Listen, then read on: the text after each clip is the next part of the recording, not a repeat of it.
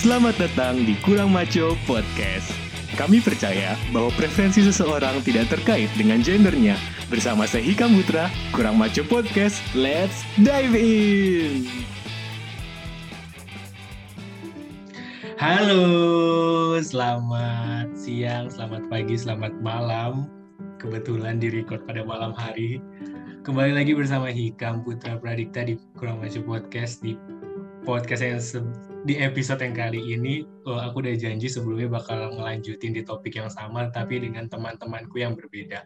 Kali ini ada gestar yang sangat-sangat sibuk sampai bikin jadwalnya ini perlu beberapa kali gagal. Ada teman-temanku yang tidak kalah uh, produktif dari uh, teman-teman di episode sebelumnya. Ada Theo dan juga Queen. Halo Theo, Queen. Halo Ika. Halo. Halo. Halo. Ini bakal seru banget di kali ini karena uh, kedatangan dua sahabatku yang wow sangat gemilang, apa aku gemilang cemerlang dari otaknya dan lain-lain. Perkenalkan diri dulu dong dari siapa terserah. Ya, mau siapa? Queen dulu atau dulu? Ya, halo semuanya. Perkenalin um, gue Queen ke dari HI 2019. Iya, kita sekelas. Makanya kita bikin podcast. Kesibukannya apa nih akhir-akhir ini? Selain Lagi- pacaran, bercanda. Selain pacaran. Sibuk uas sih. Iya, Terus nggak sombong gue ntar mau MUN juga ke Paris deh. Iya. Jadi gue biasalah sibuk. kan belum baru ini udah kelihatan kan seberapa cemerlangnya Queen. Nah kalau mau ke Paris ini ada yang baru pulang dari Paris juga nih satunya dari Theo dari Belanda dari Paris sangat sibuk bapak yang satu ini. Halo Theo, silakan perkenalkan diri. Halo Hikam, apa kabar? Kenalin nama gue, ini untuk bukan ke lo ya, tapi ke yang nanti dengerin. Halo, nama gue Theo Gerald, eh, biasa dipanggil Theo dari Hubungan Internasional. Kesibukannya sekarang uas aja sih, sama beberapa kesibukan lainnya, kayak gitu. Gitu Hikam. Mantap sekali. Emang eh, sangat sibuk keduanya, teman-teman. Dibuktikan dengan rekaman podcast ini beberapa kali gagal karena eh, keduanya sangat sibuk untuk mengatur jadwal. Tapi akhirnya kali ini kita berhasil bertemu secara eh, podcast ini. Kita bahas topik yang sama di sebelumnya di episode 1 yaitu terkait debat eksploitasi atau pemberdayaan wanita lewat OnlyFans. Nah, lagi hangat-hangat banget eh, masalah ini, apalagi pa- pasca pandemi yang mana sekarang tuh pekerjaan eh, dunia seks itu bisa udah berubah ke dunia digital. Nah, kalau kalian sih ngelihatnya bagaimana nih? Ada perubahan dari yang sebelumnya konservatif ke sekarang yang lebih modern bahkan bisa memanfaatkan internet langsung aja nih, langsung itu kita bahas untuk mempersilahkan waktu lah.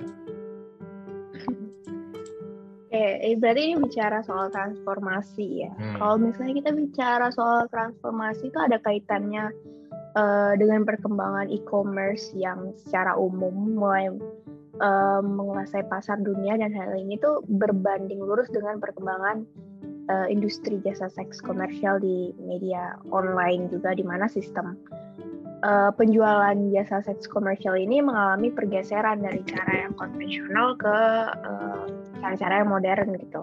Nah, penggunaan teknologi komunikasi dan informasi yang terhubung ke internet ini, eh, hal inilah yang sebenarnya menjadikan perubahan di berbagai tatanan kehidupan baik sosial, politik, ekonomi, budaya, itu dan lain-lain. Nah, sistem telekomunikasi berbasis internet yang berkembang cepat dalam pengiriman pesan, gambar, audio ataupun video inilah yang menjadikan masyarakat tuh eh, ya yang semakin mengglobal, semakin efisien, semakin terjejaring satu sama lain. Nah hal ini juga yang pada akhirnya tuh sebenarnya mengubah masyarakat khususnya dalam hal komersialisasi ini. Jadi kayak jual beli barang itu uh, dan jasa melalui internet.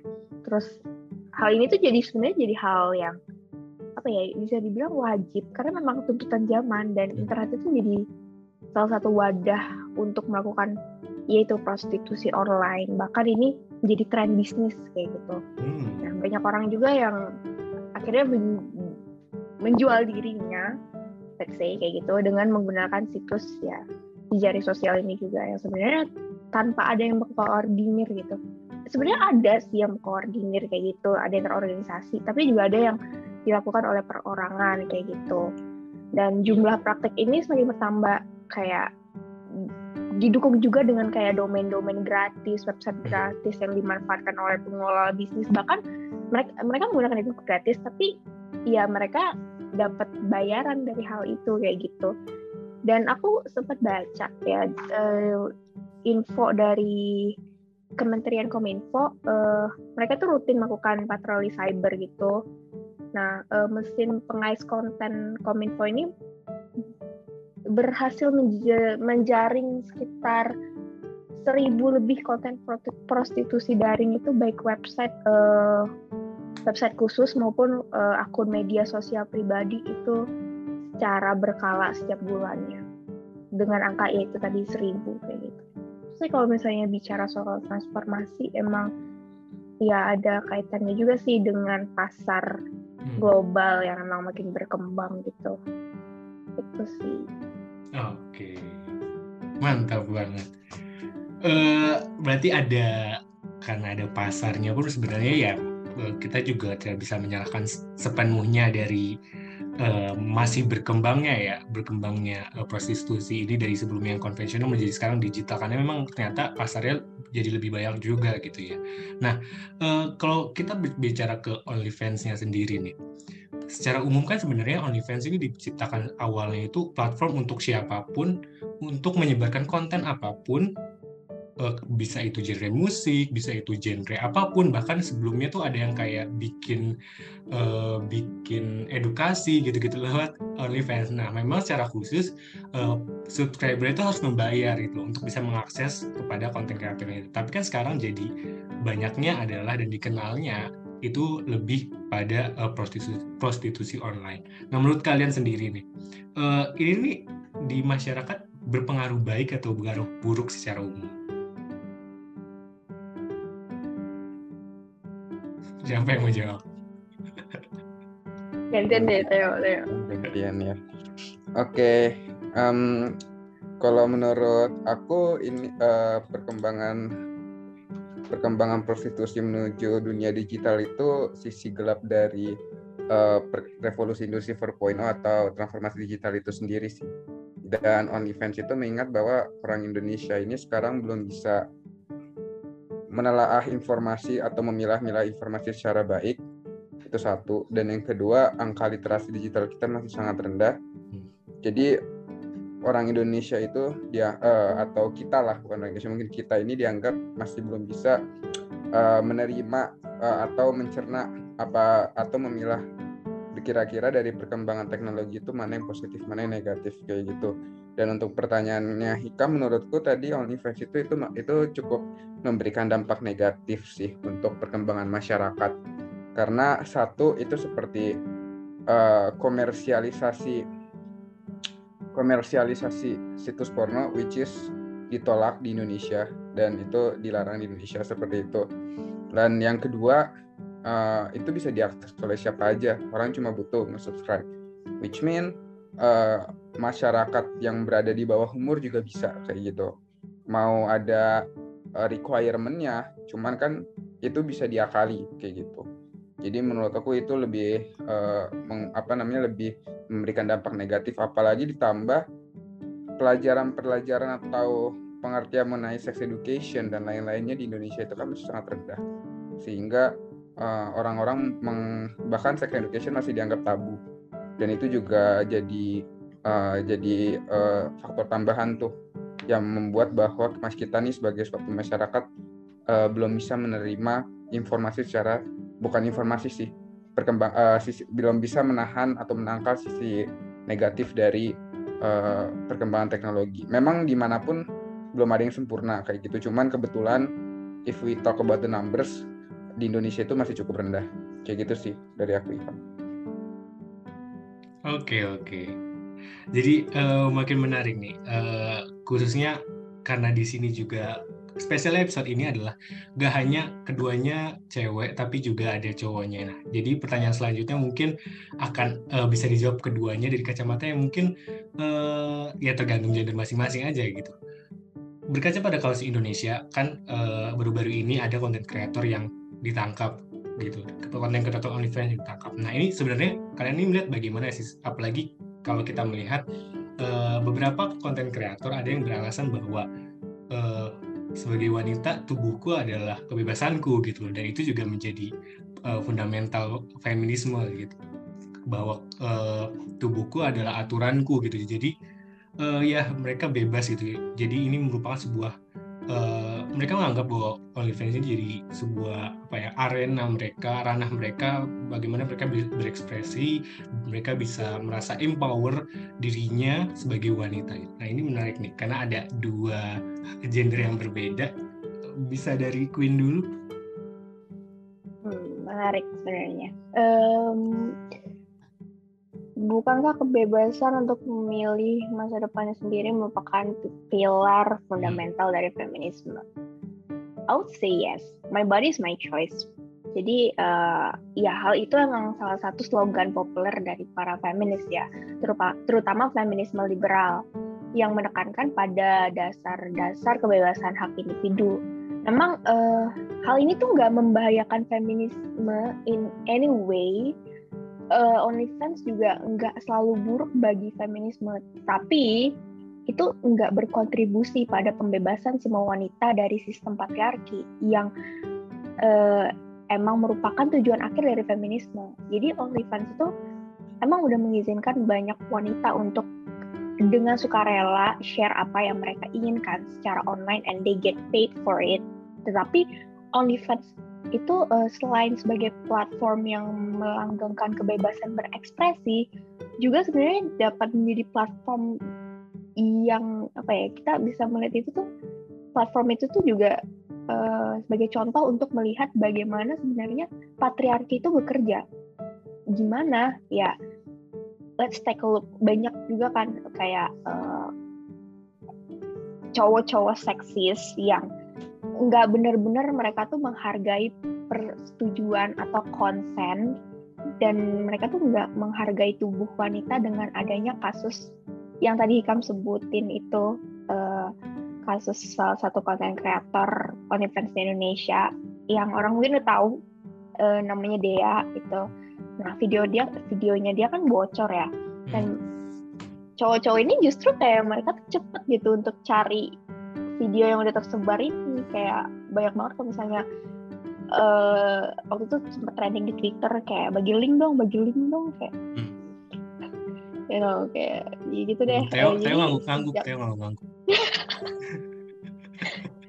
Jadi sejak awal pun sebenarnya OnlyFans ini sebenarnya kan emang punya terms and condition ya yang harus dipatuhi. Hmm. Itu salah satunya tuh nggak boleh menyebarkan konten yang ada di dalamnya. Jadi karena itu merupakan tindak pidana gitu. Jadi yang boleh menggunakan itu ya ya uh, antara kedua pihak itu yang dibayar dan membayar kayak gitu. Nah, ketika uh, apa ya?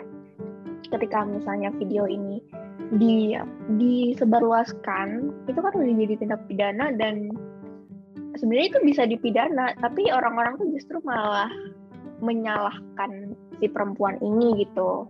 Kayak kenapa sih bikin bikin video at the first place yang kayak gitu. Padahal kalau misalnya mau dilihat juga kan itu ada terms condition yang nggak boleh disebarin segala macam. Justru yang menyebarkan ini justru yang sebenarnya melanggengkan yaitu uh, apa ya melanggar konsen lah bisa dibilang kayak gitu.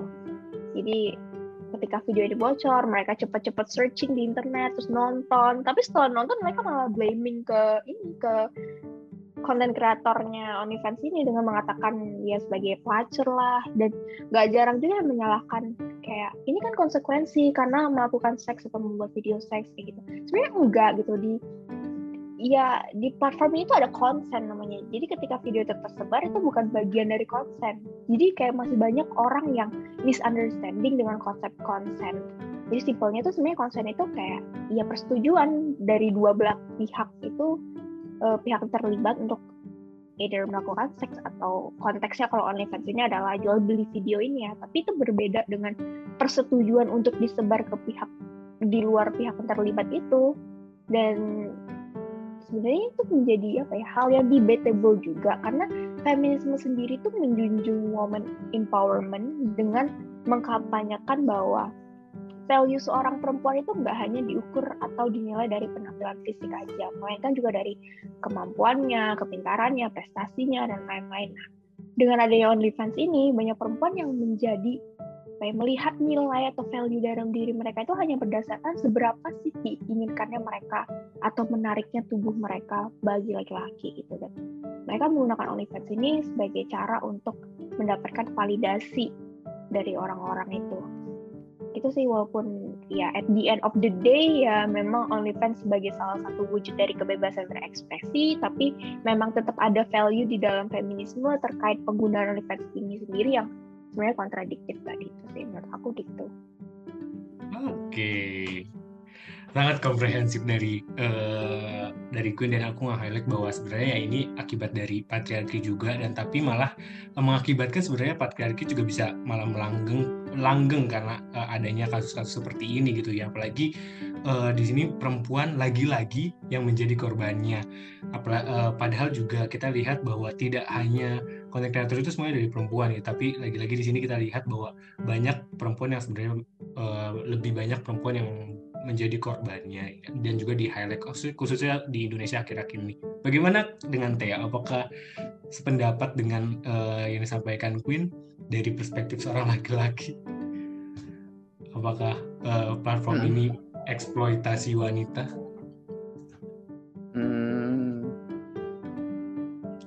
Uh, justru menurutku platform ini bukan bentuk eksploitasi wanita sih karena ketika wanita itu menyebarkan videonya itu based on her consent dan dia juga mendapatkan uang.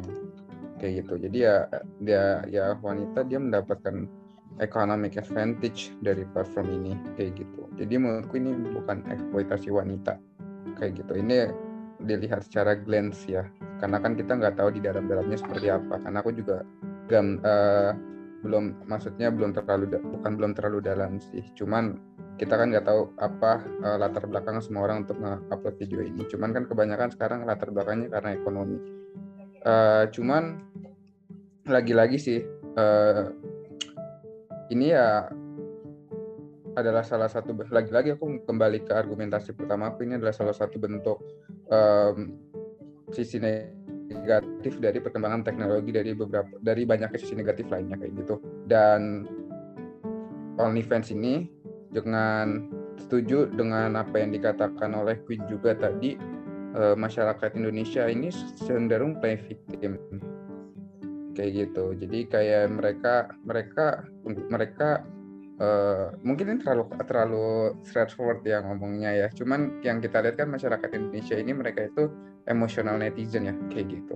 Dan mereka cenderung um, bereaksi berdasarkan bereaksi berdasarkan uh, suatu fenomena kayak gitu. Jadi mereka reaktif bukannya ngambil uh, mengambil take a second look terkait fenomena itu atau at least cari informasi lebih lanjut terkait fenomena itu. Uh, makanya uh, dari beberapa hal itu yang membuat ya harus yang membuat OnlyFans ini menjadi semakin berdampak negatif bagi masyarakat Indonesia. Menurutku kayak gitu sih. Uh, menarik uh, pendapat Theo di awal juga bilang bahwa banyak sebenarnya konten kreator yang terselamatkan khusus secara finansial. Uh, aku baca juga terkait data OnlyFans ini bagaimana perkembangannya. Masif sekali di dua tahun terakhir di kala pandemi konten uh, jumlah kreatornya sangat meningkat, jumlah subscriber sangat meningkat dan di beberapa kasus di beberapa negara banyak uh, wanita yang terselamatkan secara finansial, bahkan keluarganya uh, maksud dalam arti ini dia udah seorang uh, ibu bisa menyelamatkan keluarganya gitu. Dan hmm, dia sangat berterima kasih dengan adanya OnlyFans walaupun harus mengorban, mengorbankan dalam tanda kutip ya mengorbankan tubuhnya untuk diperjualbelikan. Bagaimana kalau kalian melihat ini sebenarnya ya ini bisa menyelamatkan juga gitu tapi ya at the same time uh, ada suatu hal yang harus dijual yaitu tubuhnya. Benar-benar emang harus ada sesuatu yang dikorbankan sih. Ya, ya balik lagi kasus kayak gini sebenarnya debatable. Satu sisi memang secara fakta benar gitu. Uh, apa ya? Uh, dari adanya OnlyFans ini bisa dibilang lebih mudah lah ya mereka mendapatkan uang gitu, dengan memanfaatkan platform ini karena emang penikmatnya juga sebenarnya banyak gitu jadi supply-nya tinggi karena dipicu demand yang tinggi juga gitu tapi ya yang benar kata yang ikan bilang tadi uh, harus ada dikorbankan. Kayak ya akhirnya mereka mengorbankan tubuh mereka kesehatan mereka gitu. Kayak akhirnya dengan apa ya uh, dengan adanya hal itu juga meningkatkan angka uh, ini sih penyakit menular seksual kayak gitu. Karena semakin banyak konten yang dibuat tentunya kan kayak ya mengikuti demand juga ya membutuhkan variasi yang banyak dengan apa ya uh, ya mereka melakukan apa pun gitu. Demi uang entah macam-macam konten lah apa ya segala macam melibatkan nggak cuma diri mereka sendiri tapi dengan orang lain juga di dalam video itu itu bisa ya itu uh, menularkan penyakit yang kayak gitu. Tapi ya di sisi lain uangnya dapat dapat aja gitu. Itu sih. Oke. Okay. uh, eh, kalau menurut lu nih teh ke depannya ini uh, platform ini akan seperti apa? Kalau tadi Queen juga bilang sebenarnya pasarnya juga masih banyak. Ya di kalangan Eh, kita nggak munafik gitu ya di kalangan uh, di Indonesia belakangan juga kan banyak dibahasnya laki-laki. Salah satu artis pun ada yang jadi uh, tertangkap juga karena membeli dan sebagainya itu jadi hangat. Menurut lo ke depannya platform ini uh, akan seperti apa khususnya di Indonesia apakah tetap atau bagaimana apa mengikuti moral Indonesia yang sebenarnya ya sulit juga kita negara ketimuran yang sangat susah melegalkan hal seperti ini. Menurut aku kalau ke depannya di Indonesia uh, aku lebih pengen pengen bahas dari sisi perspektif apa yang bisa mungkin pemerintah Indonesia lakukan sih. Karena kan uh, yang bisa pemerintah Indonesia lakukan kan lewat regulasi ya untuk kalau misalnya dari isi kontennya OnlyFans kan pornografi dan kalau aku nggak salah kita ini menolak pornografi guys. Ya ya kan? Nah, bisa jadi pada akhirnya ini bakal uh, aplikasi ini bakal bisa eh ya aplikasi ini bisa jadi ditolak di Indonesia kayak gitu. Karena kan kita menolak pornografi. Jadi ya apalagi sekarang udah ke blow up banget kan tentang OnlyFans karena kasusnya salah satu konten kreator itu dan ngelibatin juga uh, yang ada artis itu walaupun itu nggak make sense sih. Kenapa dia sampai ter sampai di blow up itu nggak make sense yeah. banget jujur ya menurut pandangan gitu really no make sense aneh gitu loh kenapa tiba-tiba jadi dia ditarik kayak gitu. Cuman itu sih kalau kayak gitu menurutku uh, mas di Indonesia nggak bakalan ditolak eh, bakalan di ban sih sama pemerintah kayak gitu. Itu sih kan uh, jawabannya oke oke uh, mungkin uh, ini uh, last question dari aku sebagai penutup juga.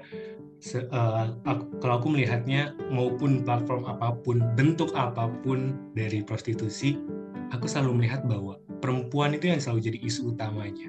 Perempuan yang selalu dikonotasikan negatif. Padahal ya, benar kata Queen, selalu ada uh, gak mungkin ada permintaan, eh gak mungkin ada uh, prostitusi online kalau tidak ada pasarnya yang mana itu laki-laki mayoritas laki-laki.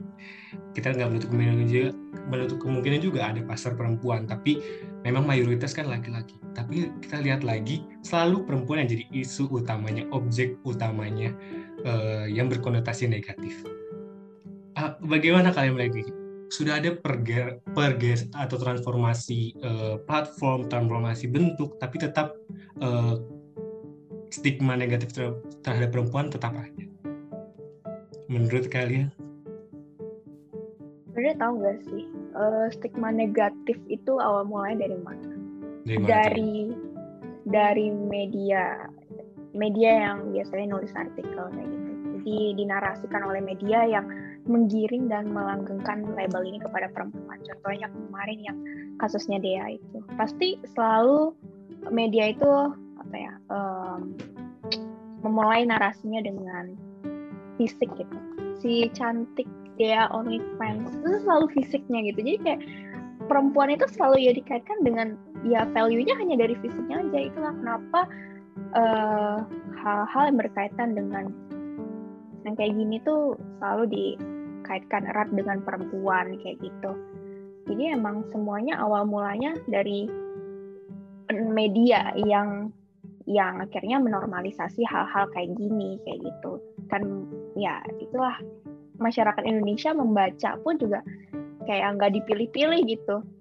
Asal ada kalimat yang berkaitan dengan fisik kayak secantik ini ini ini gitu pasti langsung dibuka dibuka ya itu akhirnya yang tertanam dalam pemikiran masyarakat Indonesia kayak gitu yang akhirnya apa apa selalu ngelihat ngelihat perempuan tuh hanya dari fisiknya aja gitu jadi emang laki-laki itu mudah untuk apa ya visually attracted sama hal-hal yang kayak gitu itu sih menurut Oke, okay. kalau menurut lu teh mau nambahin?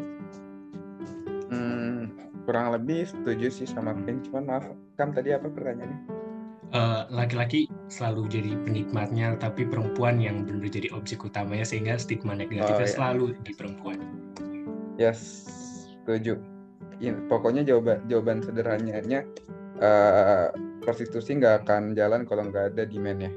Dan demandnya kebanyakan laki-laki kayak gitu. Okay. So I, I guess itu udah udah udah apa namanya udah cukup menjelaskan sih bahwa sekarang itu kondisinya masih playing victim di perempuan dan nggak ngelihat kalau misalnya salah satu pendorong berkembangnya prostitusi ya karena ada yang menggunakan. Kayak gitu intinya kayak kayak gitu aja sih terakhir terakhir banget closing statement terserah dari kalian. Queen dulu Queen jago tuh closing Ayo, statement. 10 menit. 10 menit banget ya. Iya tuh dari waktunya. oh iya benar um, dari gue apa ya? Uh, menurut gue nggak ada yang salah dengan bikin video kayak gitu ya. Tapi kalau misalnya mengarah ke undang-undang Indonesia ya itu legal gitu. Hal yang dikomersialisasikan kayak gitu. Tapi ya jangan apa ya apa uh, kayak ini saran sih buat cowok-cowok gitu. Kayak lo lo nonton kayak gitu tapi lo nge-blame perempuan kayak gitu nggak bagus sih menurut gue. Jadi hmm kayak ya sadar diri juga lah ya kayak gitu intinya itu doang sih maaf ketawa aja tulis statement kayak apa aja dah iya itu deh. Dari ya ini udah terakhir nih episode terakhir topik ini. Theo yes kalau dari aku uh, uh, yuk kita nggak bisa ngehambat perkembangan teknologi jadi ya is up to you. Pengen milih mana yang menurut lo baik mana yang menurut lo nggak baik kayak gitu. And don't be naive lah kayak gitu. If you want to uh, apa namanya if you want to menilai suatu keadaan jangan dinilai dari kulitnya doang. Coba dilihat dalam-dalam baru kalian ngasih pendapat terkait hal itu. Mau aku kayak gitu. jangan mudah tertarik dan terulur juga ya teh benar sekali. Harus Saudara bijak dalam benar internet. Sekali. benar setuju gitu. oke okay, guys karena ini podcast singkat-singkat saja dan uh, kita sudah berada di penghujung topik ini aku mau ngucapin terima kasih banyak untuk Theo dan Queen yang udah direbet, direbetin dan juga di episode sebelumnya ada Nadira sama Naura terima kasih banyak dan terima kasih banyak uh, kepada pendengar kurang baca podcast yang sudah mendengarkan uh, dua episode ini terkait uh, eksploitasi atau uh, empowering women in OnlyFans. Sampai jumpa, sampai bertemu di episode selanjutnya. Dadah. Dadah.